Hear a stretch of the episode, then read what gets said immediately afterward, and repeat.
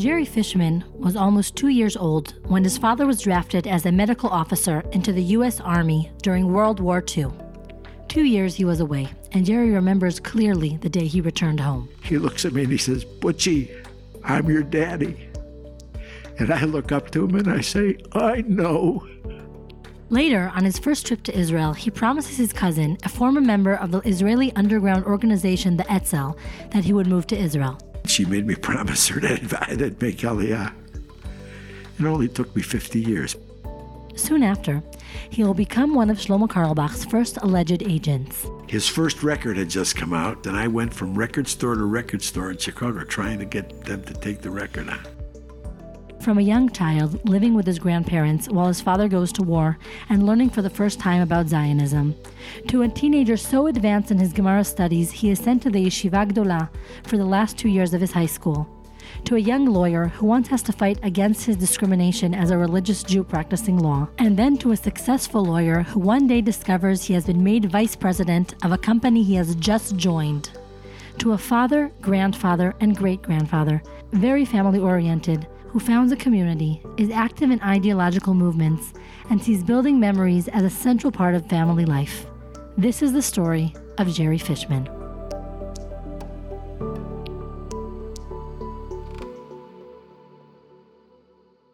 I'm Jerry Fishman. Uh, Gerald L. Fishman is my official name. I was born in Chicago, Illinois, in the United States on September 10, 1942. It was also Erev Rosh Hashanah in Tafshin Bet, I think.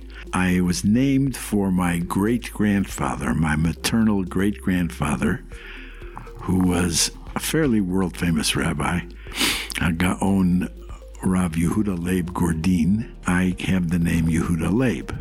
He was born on a Thursday night. And on Friday night, my Saba, my grandfather, and my father were walking to the hospital to visit me and to visit my mother. And uh, they were deciding what name should they give me in English. They were talking about it. In those days, uh, you, we had Hebrew names, and they also gave us English names. So my Saba said to my father, I think I like the name Julius. And my father got so upset with it, he decided to give me a name as Irish as he could find with the sound J, like a Yud in English. And so he gave me the name Gerald. That's how I got named Gerald. Jerry's mother, Sarah, was born in Lomza, Poland. Her grandfather was the rabbi of Lomza for many years. After World War I, the yeshiva of Lomza, where he taught, wanted to send someone to America to raise funds. He, who had lost his wife at a young age and was living alone as a widower, decided to take on the task and go. And in those days, no, they didn't have jet planes. They didn't have. They barely had planes, so it was a long way away. He and a, a helper came to America, and he went from city to city, and he raised funds for the yeshiva in Lomza. When he got to Chicago, he started raising funds. The, the Chicago community, apparently, from what I'm told, got so enamored of him, they begged him to stay. And he stayed. It was 19, 1920, I guess it was. He decided he would stay, and he became the Rav of Chicago, of the Orthodox community of Chicago. So he and a few others got together and formed a yeshiva called Bet Midrash LeTorah that still exists today. He then wrote to his son in law, Jerry's grandfather, and asked him to join him and teach in the yeshiva. And so, in 1921, young baby Sarah, Jerry's mother, arrived in Chicago with her parents. My mother was 20 months old, and 10 days later, my uncle Aaron was born. They tell me she didn't speak English until she was five years old when she started school, that she spoke Hebrew. At home, they spoke Hebrew. My father was born in the United States. My paternal grandparents came to America in about 1910. They came from Kishinev in Bessarabia, which is today Moldova. They came single, they met in America, and they got married and they had they had three sons. The oldest son was my uncle Dan. The middle son was Uncle Irv Yitzchak, but it was Irving in English. And my dad was the youngest. My dad was born in 1917. Jerry's father, Sidney, from a young age, was very athletic. My father was the most athletic of the three boys. And so he got involved in sports and so on. He went to junior college and he went, he played uh, baseball. And he ended up playing what they then called semi professional baseball. It wasn't really professional, but it was semi professional. It was a, a, he was on a team sponsored by an ice cream company. He was also in junior college. And one day, scouts from the professional teams would watch for these, but go then and see if they could find people. And my father came home to my bubby with a proposed contract from the New York Yankees. And he says, Look, Ma, they want me to play. I mean, he wouldn't go right to the Yankees, but he would go into their system, into their minor leagues. And my grandmother looks at him and says in Yiddish, Il geht sein a dentist. You will become a dentist. And you know what happened? He became a dentist. One of Sidney's brothers became a dentist as well. Why was dentistry the professional path being so encouraged? I asked Jerry. I think it was a profession that was well regarded at that time by uh, by the immigrant community, like my grandparents, and uh, they just wanted to become dentists. My father wanted to be a baseball player, but my grandmother realized that you know you play baseball for five, ten years, and then what are you going to do? So she was, I think she was right. But my dad always, he was a, always a very athletic uh, guy. Jerry's parents grew up with different religious backgrounds. My mother grew up in a, in a Dati home. My father did not. My father's home, my, my grandparents on my father's side, their home was kasher, 100%. But they didn't really keep Shabbat. They were more uh, Chiloni at the time. Jerry's parents were set up by a mutual friend. They dated, fell in love, and got engaged. My father was never religious. And my grandfather, who was a one of the Rosh Yeshiva, knew that. But he was a very special person. And he looked at my father, and they first met. And he said to my father, There's only one thing I want you to do for me. My father had already agreed with my mother that she, he would keep Shabbos and so on. But my grandfather said to him, There's one thing I want you to promise me. And he said, What I want you to promise me is that you will put on tefillin every day. And my father agreed. And he did, almost to his dying day. Keeping Shabbat had a professional impact on Sidney as well. Saturday was known to be a busy day for dentists, but Sidney found a way to turn this presumed disadvantage into an opportunity. So when my father graduated from dental school, all his colleagues in dental school were aghast. Sid, how are you not going to work on Saturday? It's the biggest day for dentists. And my father said he's not going to work on Shabbos. And what he did do, though, he would open his office on Sunday, and all the yeshiva boys would come to him on Sunday. When Jerry was almost two years old, his father was drafted as a medical officer into the U.S. Army and joined the fight of the Second World War. In the beginning, he was sent to care for soldiers in the army bases within the country, and Jerry and his mother would travel with him. We were in Portland, Oregon. My mother told me this. They made friends while they were there, and blah, blah, blah, and they got to know people. And, there was a, a, a Gentile couple that they became friendly with, and they would go over to their house. And they went over to the house, and uh, they had pea soup. This is the story I was told. And it was delicious and then they left. And on, before he went back overseas, they went to Chicago to say goodbye to the family. And uh, my mother wrote to her friend, and she said, That pea soup was so delicious. Could you send me the recipe? So she got a letter back Dear Sarah, first you take a ham bone. Need I say any more? And that was the end of that. Then Sidney was sent overseas, and Jerry and his mother Sarah moved into her parents' home. Jerry shared with me some special memories from those years. I learned Kriya Shema Amita from my grandfather. I learned uh, Brachot from my grandfather, and so on. And my uncle. My uncle was kind of like a surrogate dad for me. He's 19 years older than me, and he was kind of like a surrogate dad. One thing that I remember very vividly is because I didn't know, we used to sit down at the Shabbat table, and, and we would eat. And after we eat, you know, we'd get ready to say the Birchat Hamazon. And my grandfather, the Rosh Yeshiva, would start singing Shir Malot. And he would sing it, Shira malot beshuba doshem, et shivat sionayinu kechomim. And that's the way I thought Shira Malot, I'm a little kid. What did I know? That was the way Shira Malot was sung.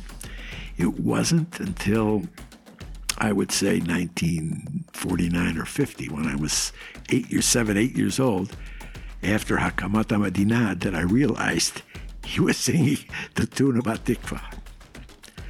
He was very Tzioni. Jerry doesn't recall his father sharing much about what he experienced during the war, but there are a few anecdotes he remembers well. Uh, he did win the Bronze Star, which is the third highest medal that the Americans uh, gave, and he won the Purple Heart, which means he was wounded. But the story he tells about it is a very funny story. He was a medical officer, as I said. He was also in the paratroopers, Tzanchanim.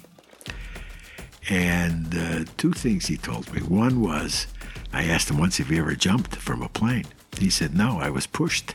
The medical officers, what they would do is they would set up a hospital right behind the front lines. As the front lines moved forward, the hospital that was behind would leapfrog and move up and they that's so there were two of them going. Anyway, so they were in, I believe it was in the Philippines at the time, and the Japanese started sending mortars in. They had a little red schoolhouse that they'd taken over, and they were using that as their as their infirmary for the for the wounded troops. The the Japanese started to uh, mortar of the little red schoolhouse, and they had to dive out the windows, literally and when he dove out the window, the guy behind him got wounded in the leg. And so my father look, turns around to help him and he whips off his belt and he applies his belt as a tourniquet to stop the bleeding in the guy's leg. But he had to leave the guy and, you know, they went on, to, there were other people who were wounded too. And my father at the time was very thin. So he used to. So he said he was holding up his pants with one hand and working on on the wounded with the other hand. And they gave him the Bronze Star, and he says, "I got the Bronze Star for losing my pants." A little over two years after Jerry's father left for the war, he returned home. It was 1946. He was away a little over two years. And I remember I was a little guy standing in the vestibule of the apartment where my grandparents lived, and in walks this guy, my father, in his uniform, and he looks at me. I remember it like it was yesterday. He looks at me and he says, Butchie, I'm your daddy. And I look up to him and I say, I know. Just like that, with a quiver. That was the first time I saw my father that I remember. After Sidney's return, the family moved out of Jerry's grandparents' home and into their own apartment. Finding a place to live was quite an endeavor in those days, Jerry recalls. Just to have a landlord choose you from the many potential renters seeking a home, you had to pay something under the table. The Fishman family lived in the post war period apartment for five years until they were able to purchase a home of their own. During that period as well, Jerry's two sisters were born. My first sister was born, Diane, was born five and a half years after me. The only story I remember about that, I was five and a half years old. The the obstetrician who delivered her was also a family friend. He came by and he said he told me with my my at the time that I was a little five and a half year old kid. He said, "You have a sister." And I punched him in the stomach. I wanted a brother, you know. anyway, my youngest sister, Debbie, was born nine years, nine years and two days after I was born. Unfortunately, Debbie, uh, we found out when she was about 13 months old that she had some severe mental retardation and uh, Oh, today they call it developmentally disabled, and she's still she's still living in a facility in Palatine, Illinois, which is near near Chicago, outside of Chicago. Debbie was at home for the first 10 years of her life. She didn't walk until she was five. She didn't talk at all, but she loved music as a little child. And, and I played the piano and I sang. So she, we would go to the piano and she would sit with me and sing. We would sing you know, Hebrew songs, American, but I would sing them. She would just, uh, uh, uh you know, hum along. But she it made her feel good. But she grew up in the house. We had a normal household. I mean, we made accommodations for her, obviously, but we did not treat it as if, oh my God, we're doing this, we got to do that. We we were just a, fr- a normal household all the way through. She was she was in diapers till she was about five.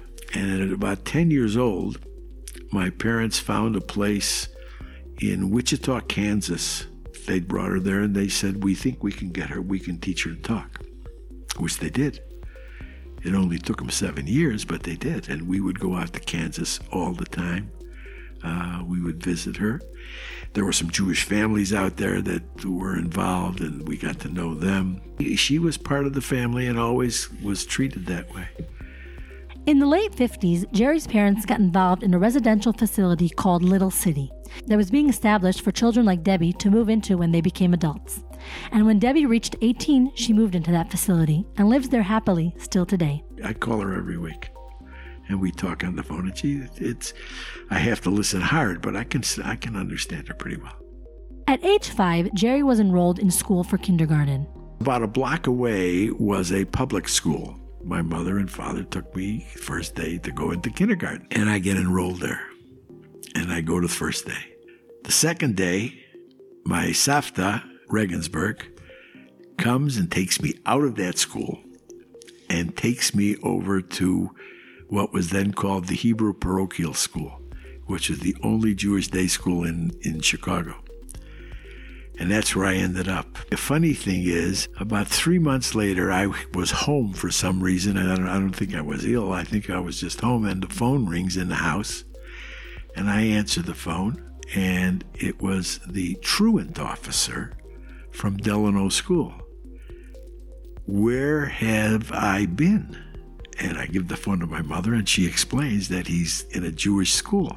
Another very significant thing that happened during kindergarten Jerry meets his future wife, Judy. There was a little girl in my kindergarten class by the name of Judy Baldick.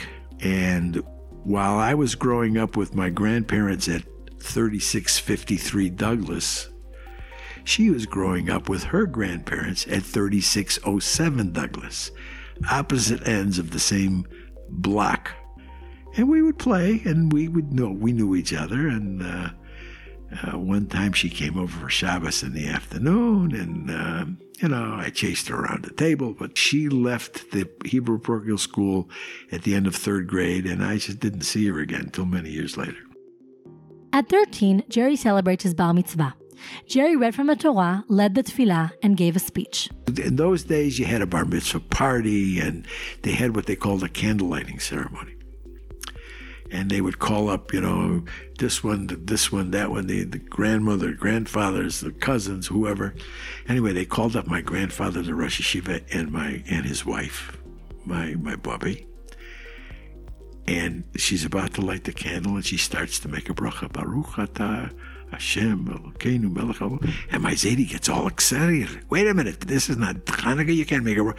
She ended up Shechiyanu v'kiyamanu and he breathed a sigh of relief. But it was really, I still have a picture of them fighting in front of the candles on the cake. That's what I remember of my bar mitzvah. Jerry talks of his parents with love and admiration. They had a large impact on so many aspects of my life, he tells me. Their openness, their activism, their support of everything I did, and their encouragement to expand horizons, learn, and develop. My parents were, were sp- very special people to me.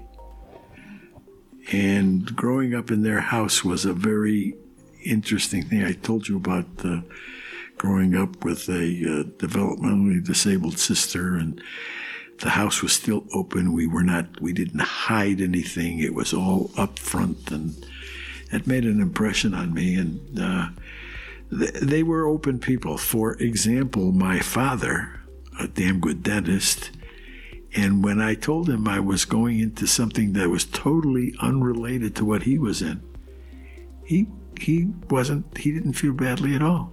He just said, "Go for it." He was very supportive. And my mother was similarly situated, if you will, and she did the same thing. Another annual tradition that demonstrates his parents' open home took place every year on Motzei Yom Kippur. At the end of Yom Kippur, we break the fast and we would invite people to come.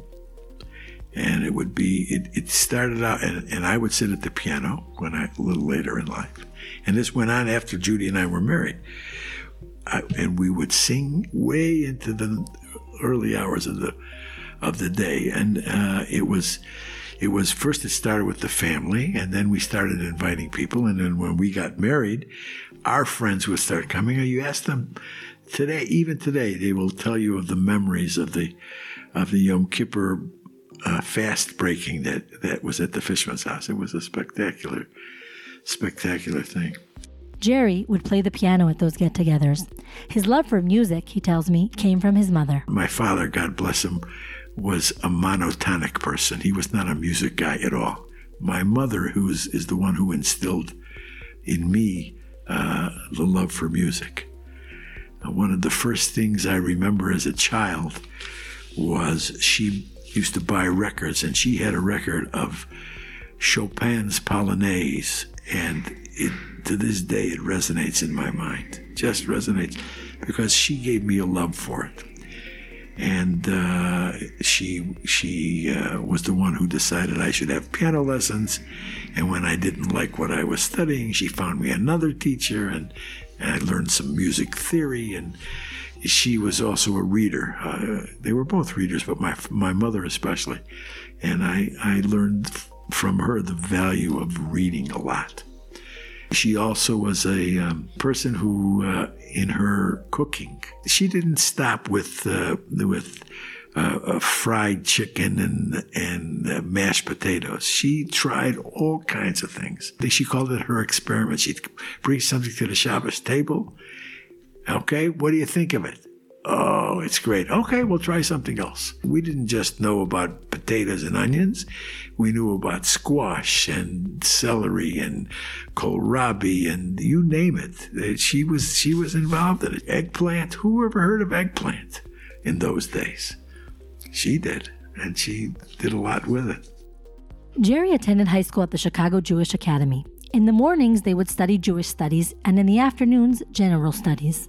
But because Jerry advanced so quickly in Jewish studies and in Gemara, for the last two years of high school, he was put into classes at the Chicago Bet Midrash Torah Yeshiva in the mornings instead of with his age group studying at a high school level. By the time I was in 11th grade, I had already finished the top shiur in the high school. And so what do you what do you do? I went to the first shiur in the yeshiva, in the yeshiva Gdolah. And for the last my last two years I was in the yeshiva Gdolah. Throughout his childhood, during the summers, Jerry attended Camp Moshava as a camper and later as a counselor. He loved every minute of it. Later on, he also became active in NCSY, becoming a counselor there as well. And it was through an activity at NCSY that he became in touch with an individual who was soon to become very well known. I was involved also in NCSY. NCSY originally was called SYO, Synagogue Youth Organization. I got involved uh, I became a madrich in it. Actually, every year they would there was a they had a convention in New York that that I went to. It was one of the first times I was ever on an airplane at age 13. The next year there was a, a Midwest conference in Kansas in St. Louis, Missouri. And I was the madrich, and I took a group with, and we went to, to there to uh, to this thing. It was over Hanukkah. And I met a guy there whose name was Shlomo Carlebach. He was in St. Louis teaching at the Jewish Day School in St. Louis that year. He was also doing his music stuff. And he came and and sang with us at the NCSY conference. And I A got to know him and B got enamored of him and what he did and because I was musical and he was musical. So I said to myself that we ought to get this guy to come to Chicago. Now, at the academy, because it was a Jewish school, there were no proms as they had in, in all the public schools. But there was an annual dinner for the students. So there was a dinner going to be held in January between semesters. at a downtown hotel, a kosher catered thing, the whole business. And so I came back to Chicago, and I it's run by by the kids. So I went to the committee. I wasn't on the committee, but I went to the committee and I suggested that you bring this guy in uh, to be the entertainment. And they agreed, and I got a hold of him, and he agreed. And so he he came to Chicago. The dinner was on Motzei Shabbat, so Jerry had to find a place for Shlomo to stay over Shabbat. At the time, the Yeshiva of Chicago had just built a new building with a dormitory. So I arranged for him to stay in the dormitory for Shabbat. But I couldn't let him stay alone. Nobody knew him. So I stayed in another dormitory room. And so we, Shlomo and I spent Shabbat together. And then after Shabbat, I drove him downtown to the big hotel. He started to rehearse and he wanted to get things, you know, what he wanted. And since they, and there was a piano there.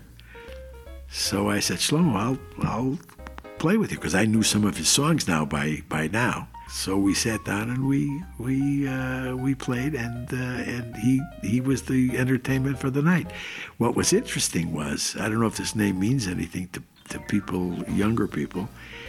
Somebody else on the committee got somebody else to come, but he he was doing shows at the Chez Paris, which is the big nightclub in Chicago. He gave ten or fifteen minutes as the quote opening act, in effect, for Shlomo Carlebach and his name was Sammy Davis Jr.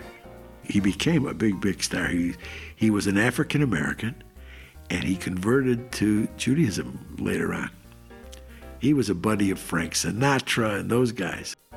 After that dinner, which Jerry tells me became to be known as the one that had the best entertainment during those years, he and Shlomo stayed in touch, and Jerry even became his alleged Midwestern agent for a period. We stayed in touch, and uh, his first record had just come out, and so uh, his mother, who was his business person, sent me a whole bunch of records, and I went from record store to record store in Chicago trying to get them to take the record on.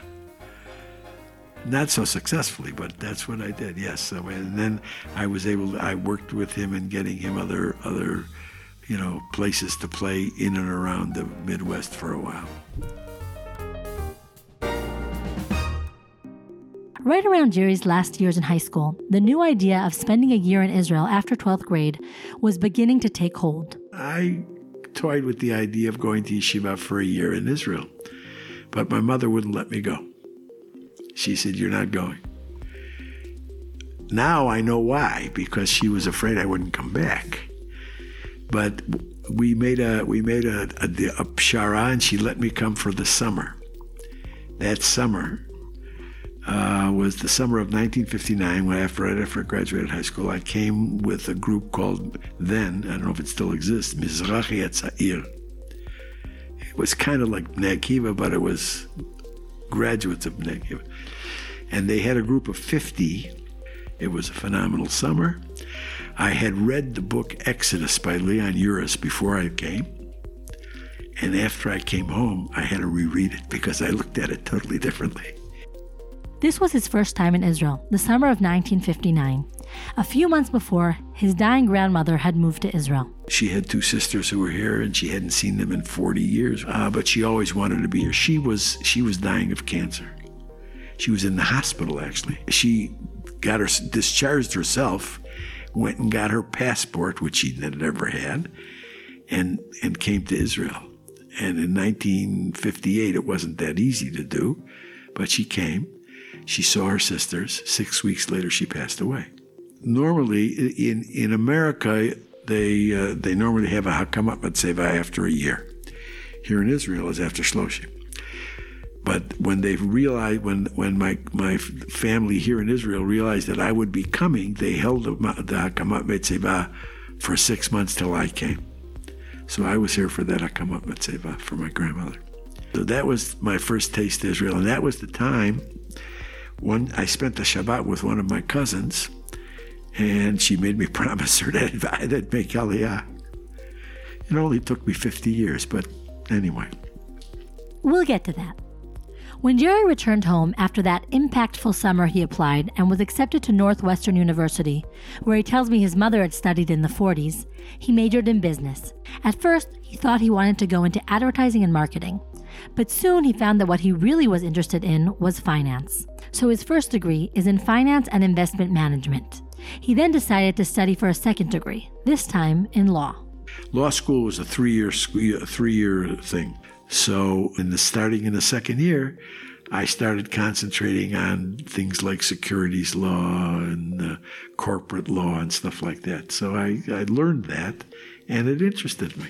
During his years at university, Jerry tells me, he wasn't exactly living the mainstream student life. He lived at home and not on campus, and wasn't part of the fraternity life, being that he kept Shabbat and Kashrut. Moreover, he wasn't really interested. In parallel to his studies, he worked. Starting in my senior year of high school, I started teaching Hebrew school. And I did that for eight years, that until I finished law school. And that's uh, that was our income. Not that it was that much, but it, it was our income. I learned my Hebrew mostly uh, from the at the academy. Uh, there were a couple of phenomenal, phenomenal teachers of Ivrit there. Even with the Niv and the Miftah, they were phenomenal. I spoke Hebrew with my with my grandmother. She spoke Hebrew, so we, and she was she was she spoke a classical Hebrew. She was when it came to to dikduk, just be careful. During those first college years, another significant event occurs. He becomes reacquainted with his future wife, Judy. She got a job as the office receptionist for the whole building of a medical building where there are a bunch of doctors, and she was in the front. In those days, they didn't have uh, phones like today. So you'd call the doctor's office, it would go to the main number.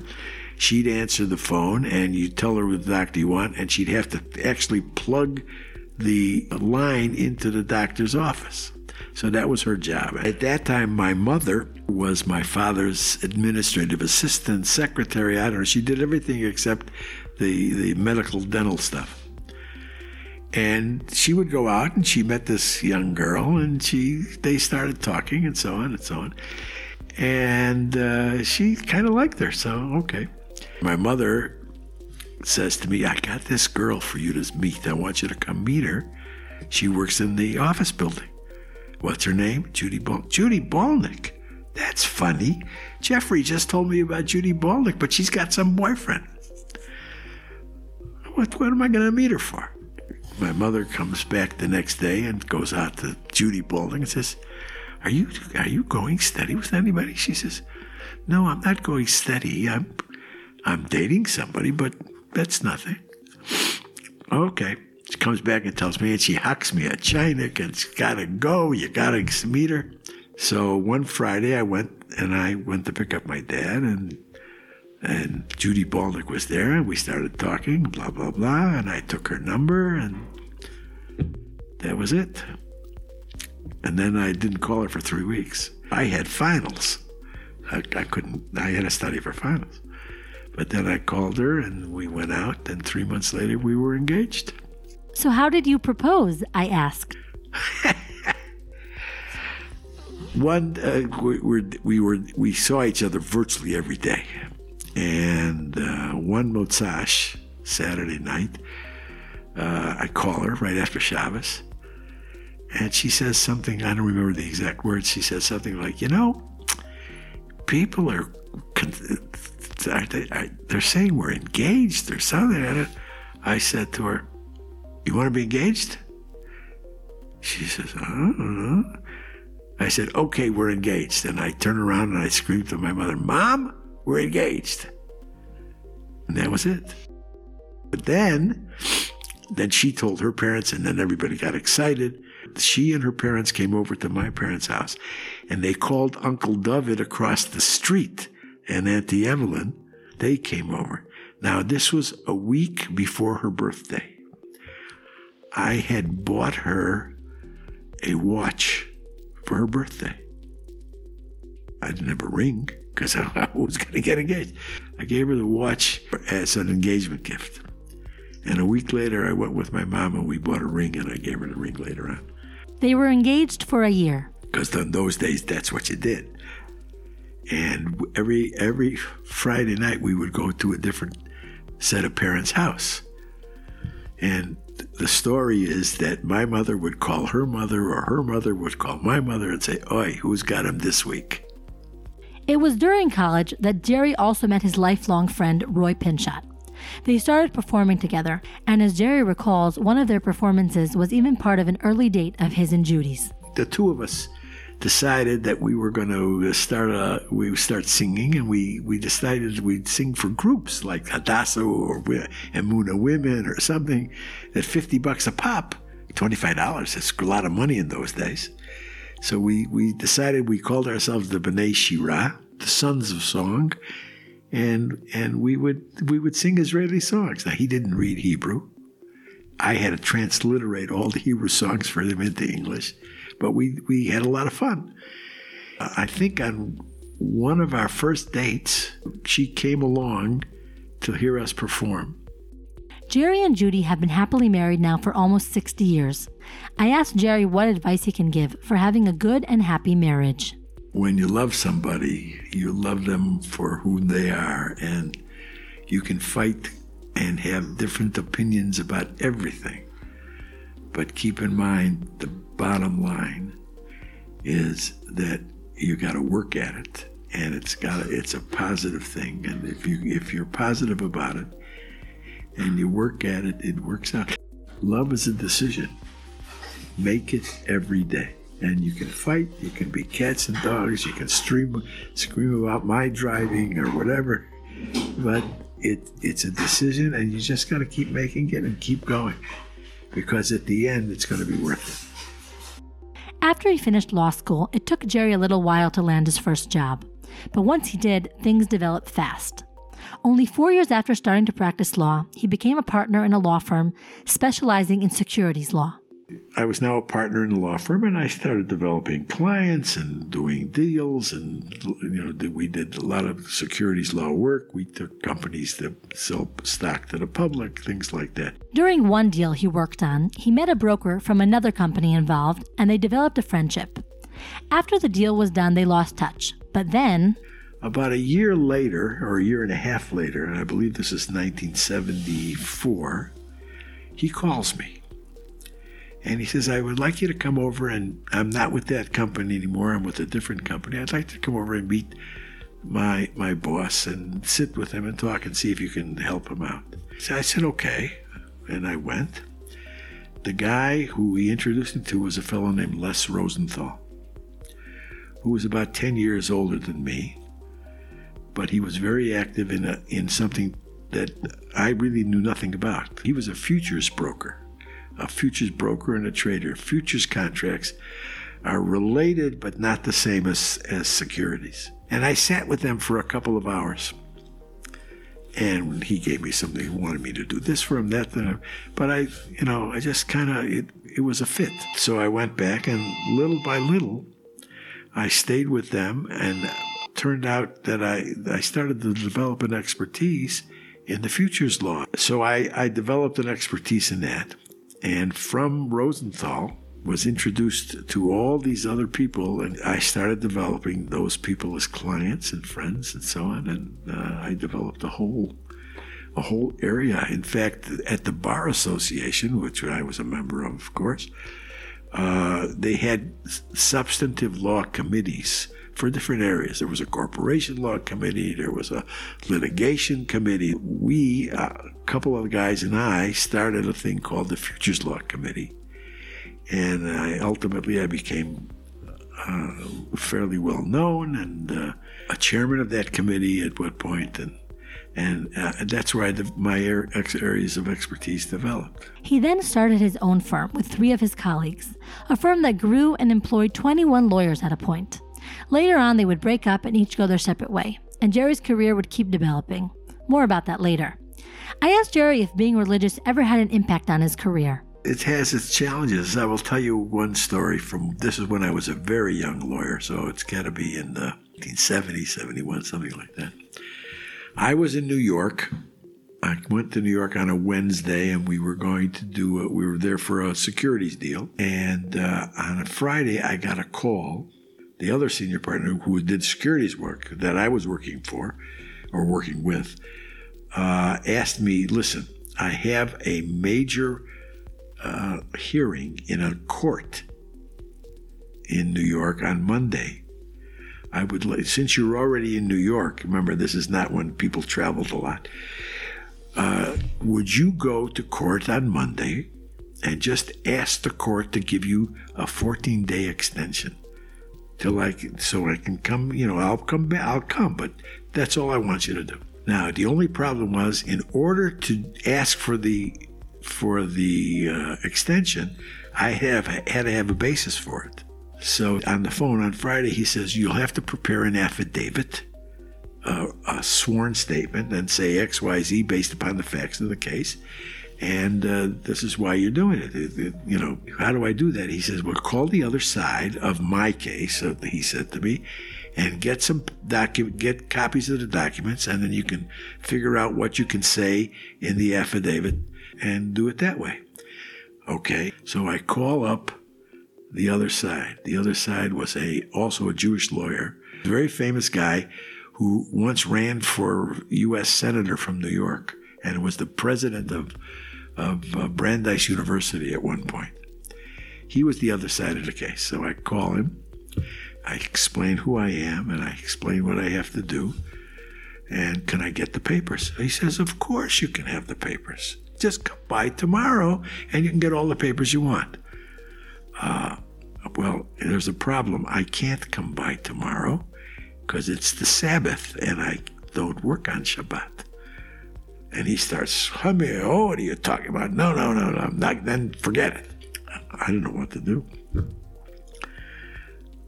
So I hang up and I talk to the other, the, the lawyer whose office I was in. Uh, and he says, You know what? He says, You got to do something. You got to call him back and tell him that he's discriminated against you. I call him back and I say to him, If you don't let me come in and get the papers on Sunday, I will call the Association of the Bar of the City of New York and and uh, tell them you're discriminating against me. Well, he hemmed and he hawed and he finally agreed. It worked out, but but that's my story about that. That's the thing that comes to mind when you ask about about Shabbos and uh, being religious. Meanwhile, while Jerry's working hard on building his career, his four children are born in a span of less than five years. I asked him what his perspective is on that aspect. Well, it was a handful, but at the same time, I think it was great because they grew up very close to one another, and they all they all remained close. And I think it, I I would not be far off the mark if I didn't say that that all of their kids are close with one another. I, I, we're a very, very close family as a result of it. Jerry and Judy bought a home in Skokie, Illinois, and took it upon themselves to start a shul and a community that grew and grew. And we decided to start a shul, which we did. And the, sh- the community kind of grew up around it and uh, that's where we raised our kids. And uh, the shul called Or Torah is still there today, and it was I don't know what it is today because we've been gone for all these years, but uh, it was the largest modern Orthodox synagogue in the Midwest at one point. It just grew. It was spectacular. They were always very active as a family, Jerry tells me, whether in their community in shul or in other Jewish organizations and movements. Speaking of activism, I had a, a another partner at, at my first law firm, not religious, but Jewish, who was active in uh, in the what we called then the Jewish Federation, which is like the UJA, you know, for the Chicago area, the JUF it was called and you know they they were kind of Jewish, but they were not. They were they were Jewish by by birth. They were not Jewish by by action as much. They were kind of pro-Israel. They were kind of uh, that kind of thing. But he came to us once and he said, "Listen," he says, "I know you're Orthodox. We don't. We're starting a thing called Dialogues in Jewish Life, where we meet once a month and we talk about Jewish things. We have speakers, we have this, we have that. And we don't have any Orthodox people in it. We'd like you guys to come. Would you like to come? So I talked to Judy and we decided, yeah, we'll, we'll give it a try. And we started, we met all these different people, some of whom we still know today, we see today. And we were like the tokens, if you will. At one time, they had a camp called Camp Chi, Chi for Chicago, which was in Wisconsin.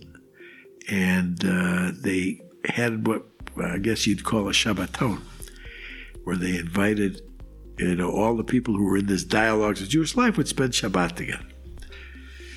So uh, we went up there. They had counselors for the kids, and we would have sessions and you know things about Judaism, this, that, the other thing. So they took our kids on this was Shabbat afternoon. They took our kids out into a field where they were going to play, and it started to rain. So they sent the truck out to pick up all the kids and get them back where it was dry, except four kids. One of the counselors, realizing that they couldn't get on the truck, walked them all back. And we found out many years later that there were families who saw this. And it made a real impression on them, they told Jerry later. Another positive experience he remembers from those Shabbatons is this. At one of these things, uh, there's a rabbi that you may or may not know named Rabbi Yitz Greenberg. He's uh, he was a marvelous, marvelous. He's uh, he, he also made Aliyah, but he was involved in in inclusion, keeping getting people together, and so on. And he we he came up as the scholar in residence for one of the Shabbatot and he calls me up because he knew I was the Orthodox guy involved. He wants to put up a mechitza for the Beit Knesset. So what they did was, but they couldn't put up a real mechitza. He put up a, a string, just a string, and it separated the, the, the genders. And I remember that the executive, the head executive, the CEO of the federation called me and was screaming, How could you do such a thing? Don't do it, don't do it. I said, it'll be fine, it'll work out. So what happened was on Shabbat morning, everybody went to breakfast. We had 10 people who went to Shacharit and we had Shacharit. After breakfast, they came back from breakfast, so we had we had Kriyat Torah and Musaf to do. So we they separated them, and then we had how did you do Kriyat Torah? Yitz Greenberg had them called up by family. They would come up as a family and make the brachot, and we would lein and so on. And hopefully it made a good impression on everybody. And then at one point he um, uh, he would take the Torah and he would dance with the Torah, give it to a family, give it back. It was a very very positive experience, I think.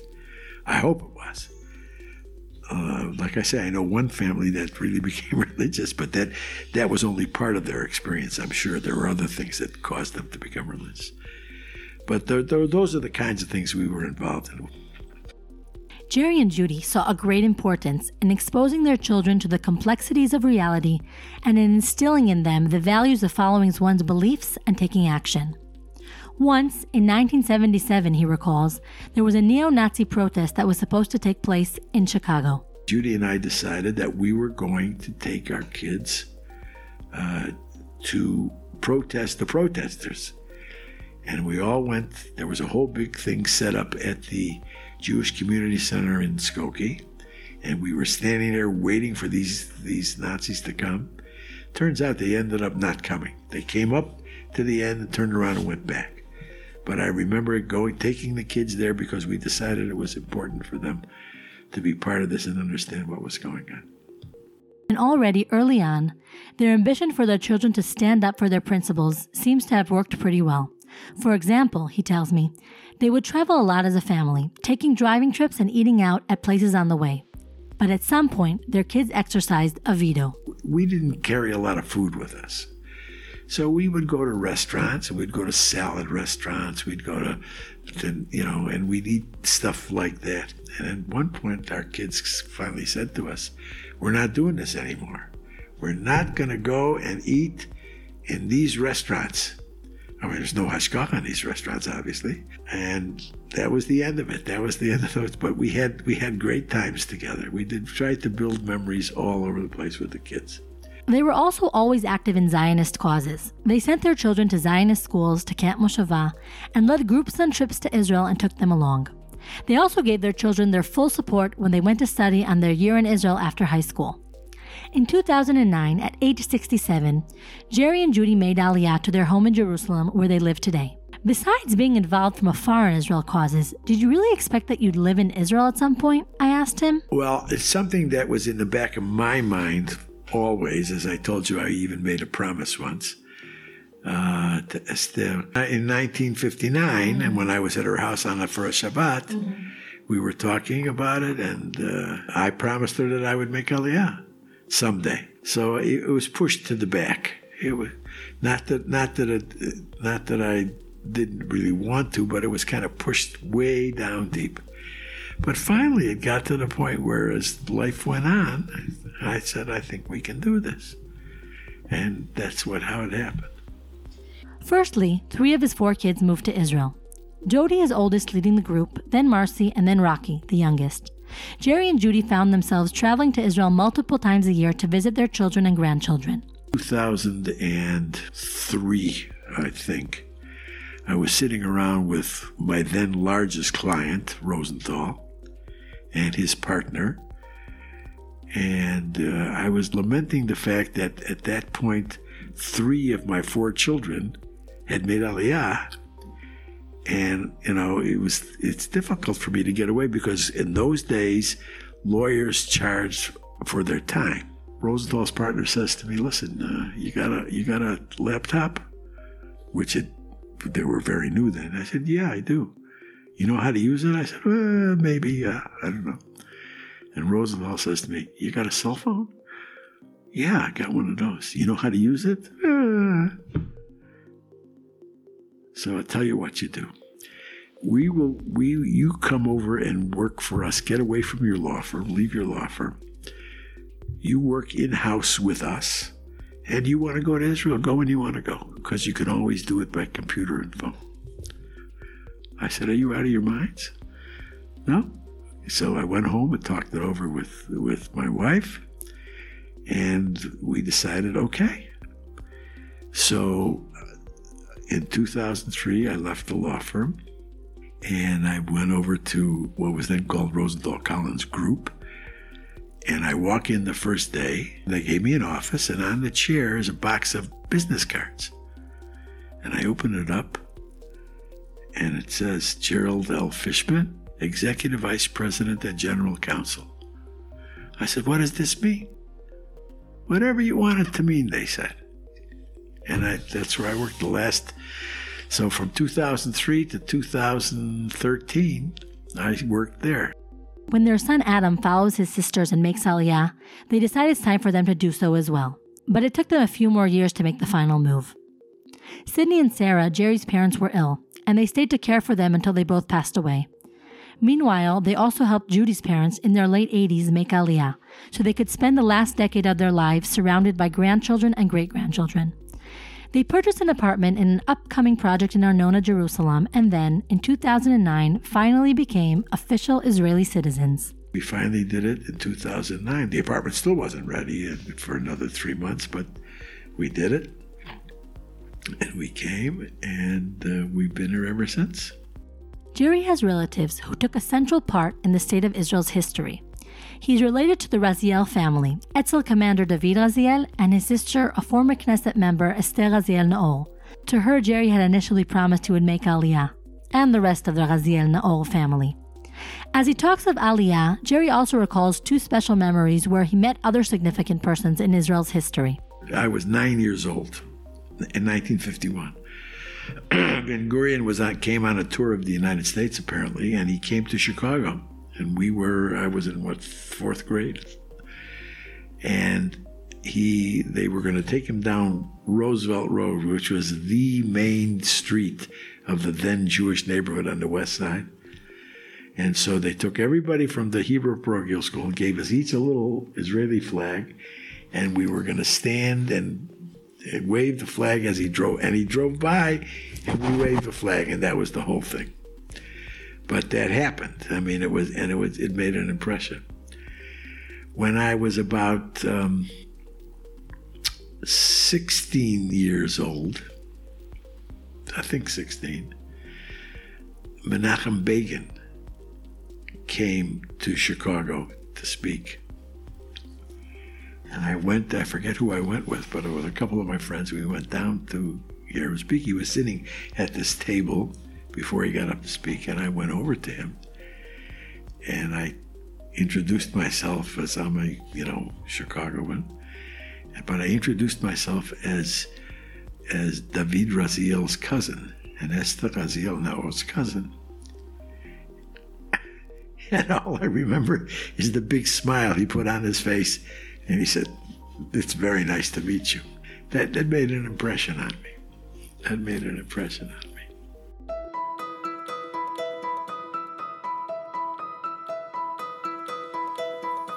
And now to my favorite part of every life story I am fortunate to hear and document.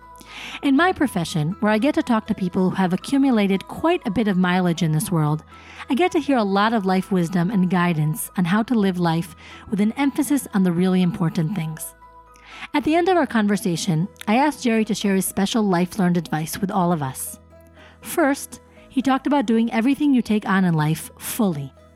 I, I think I've learned to um, to understand that you may not start being able to fulfill your dream, but whatever you do, as my grandfather once said to me, do it fully and be a scholar at it. That's what he told me when I told him that I did not want to be a Rav.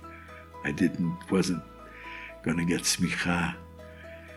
You know, and he he says, whatever you do, just be a scholar at it. And it wasn't necessarily that. It's not what I originally had dreams of doing. I had dreams once of being an electrical engineer. And then I had dreams of going into advertising. And then I had dreams of going into finance. And but I ended up at something totally different. And I just tried to do the best I could. And in terms of your life's path, that's what I would say to people. He then spoke about moral beliefs and the meaning of being Jewish. Senator Joe Lieberman is, was always one of my favorites because he believed in being socially aware for people around you and being involved. And, and to use modern terms, I guess you'd say he's uh, be liberal in, in your social activism and to help people and be part of people and do the right thing. And when it comes to to things like uh, uh, Israel and, and things like that, uh, be conservative and, and be strong. So you got to be both. And I've, I've always thought that that made a lot of sense. In terms of Judaism, I think uh, Judaism to me is is not a religion. Even the constructs of Orthodox, conservative, and reform are not Jewish constructs to me. Because being Jewish is being Jewish. If you're Jewish, you're either a born gehalacha or you are um, uh, you you take it on on your own. But it's not a religion as such. It's a way of life, and you've got to understand it as a way of life. And it's a way of life that you know it, it, it takes into account uh, the human consideration. It's not just black and white, this, that, and the other. It's you've got to you've got to temper that with humanity. So keep that in mind as you grow and as you think as a, as a, as a human being, and and And remember, we weren't chosen because we're better. We're chosen because we have the obligation to show the world how to live a moral life. He finished by talking about how to build a strong, connected family. One of the things that, that we did, mostly because of Judy, I mean, she was the one that really pushed it, was, I mentioned it before, building memories. And we started building memories of family together way back. Pesach, for example. We would we would go down. Our parents, when they were in their early 60s, both moved to Florida, and they moved in the same neighborhood. And we would go down to visit them for Pesach. There were two sedarim, obviously, because it was in in uh, Chul. And we'd sit one seder at one house, one seder at the other house. We'd walk three miles to go to shul, which was in a house. There wasn't even a shul then there. Uh, but we would come down there and, and they were both, you know, sweating away working. Finally, we said, you know, let's let's buy the gefilte fish. So we bought the gefilte fish the next year. Let's buy the whole dinner. So we did that. Finally, we said, let's go away. And we started to go away. And uh, we started really, we started off where I would pay for two rooms one for my wife and me, and one for our four kids. Well, it kept going, it kept going, it kept going, and then then our, our kids got married and made aliyah, and we continued it here. We would stay home for the seder, but we would go away for Chol Hamoed. And when it got up to 17 rooms, I said, must speak. I couldn't afford it anymore. But it's it's a question of building memories, building joint memories of everybody together. And if you want my advice, that's the most that's the main advice that I would give to our to our kids and our grandkids and hopefully our great grandkids will get that message too. Build memories and build them together. Jerry Fishman grew up in America post World War II to parents who instilled in him values of openness, acceptance, and diligence. He then was a role model to his own children, building his career, community, and family life based on ideology, following his beliefs, and with an emphasis on building memories together. He is interesting and smart, full of humor and wisdom, lives life to the fullest, and throughout the past 80 years has become a beloved and appreciated father, grandfather, great grandfather, and friend of so, so many wishing you many more years of happiness, health, and family time. Saba, Dad, and Jerry, with your loving family. You have just listened to Life Storyteller by Yakira Wiesel Azulai.